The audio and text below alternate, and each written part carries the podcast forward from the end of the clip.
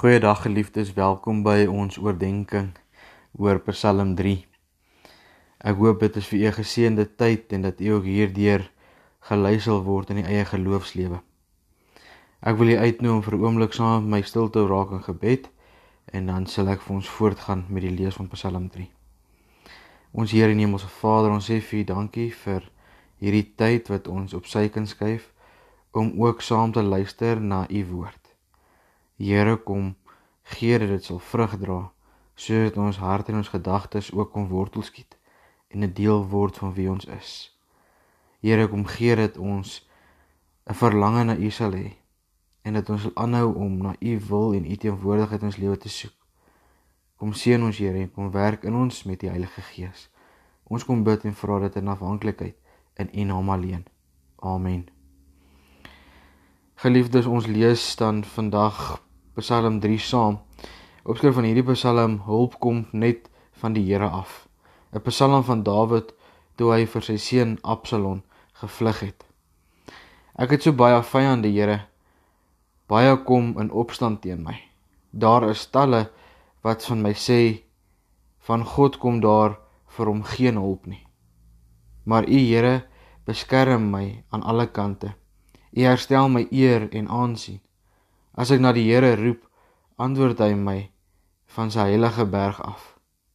As ek gaan lê, slaap ek goed. Ek word ook weer wakker want die Here sorg vir my.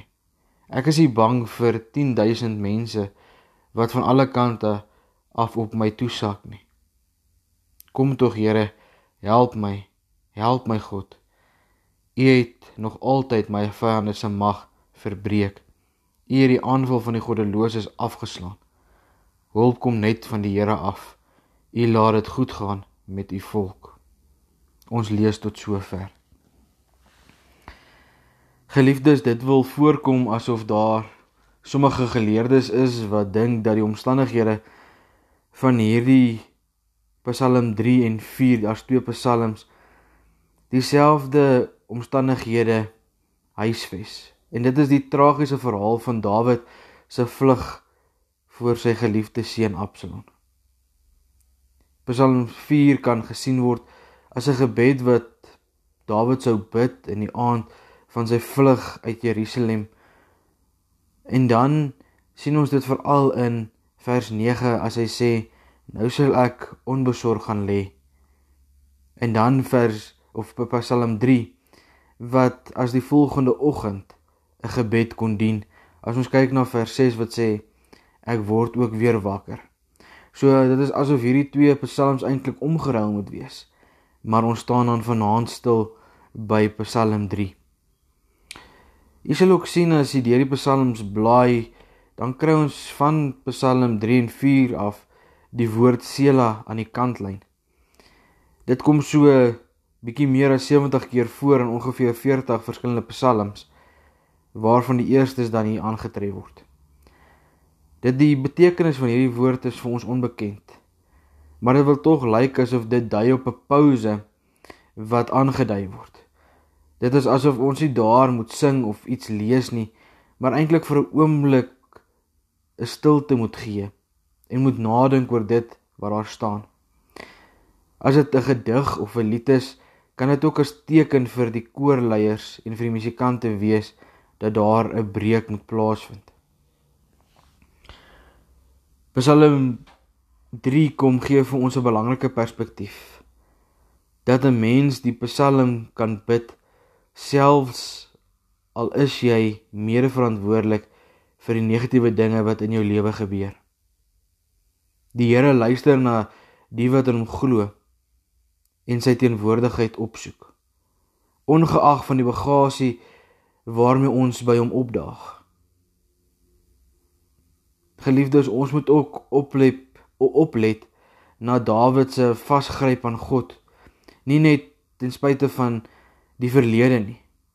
Aan sy gebrek as optreder as ouer teenoor Absalom sowel as Tamar nie. En dan die uitvloeisel daarvan van Absalom wat dan ook op die verkeerde pad geplaas word maar ook ten spyte van die opstand van sy ander teenstanders wat sê dat God nie na hom sal luister nie. As ons dit in gedagte hou, dan besef ons dat om hierdie gebed te bid voor die Here verg moed en geloofsvertroue. Hierdie tipe gebed wat ons kry in Psalm 3 is 'n gebed wat God in beweging bring. Wat nie net vir hom wil gemoedsrus gee nie sodat hy kan slaap nie, maar ook uiteindelik sy omstandighede kom verander. Hoewel dit steeds 'n moeilike pad vir hom was. Geliefdes, daarom kom die groot gedagte van Psalm 3 na vore in die woorde God bring rus en vrede as ons hom vra.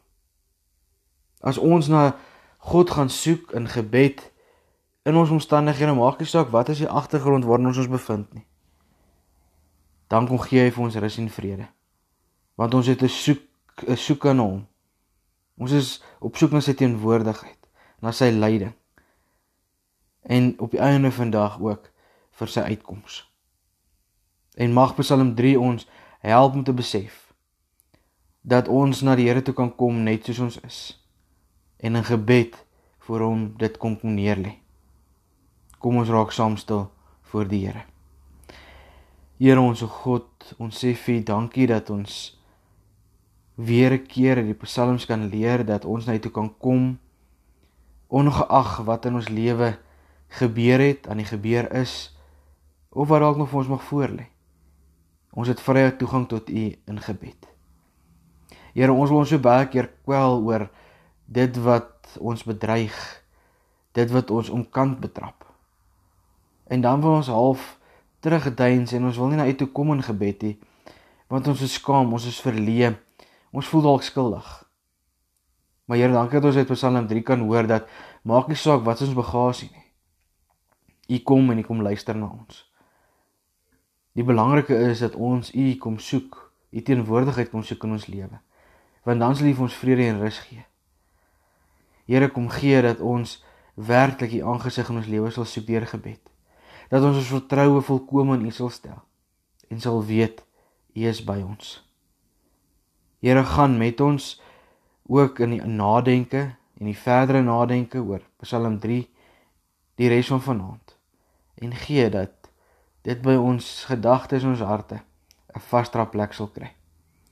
Here kom beskerm bewaar ons, kom hou ons veilig in U hand en gee dat ons 'n rustige nagrus sal hê as dit U wil is.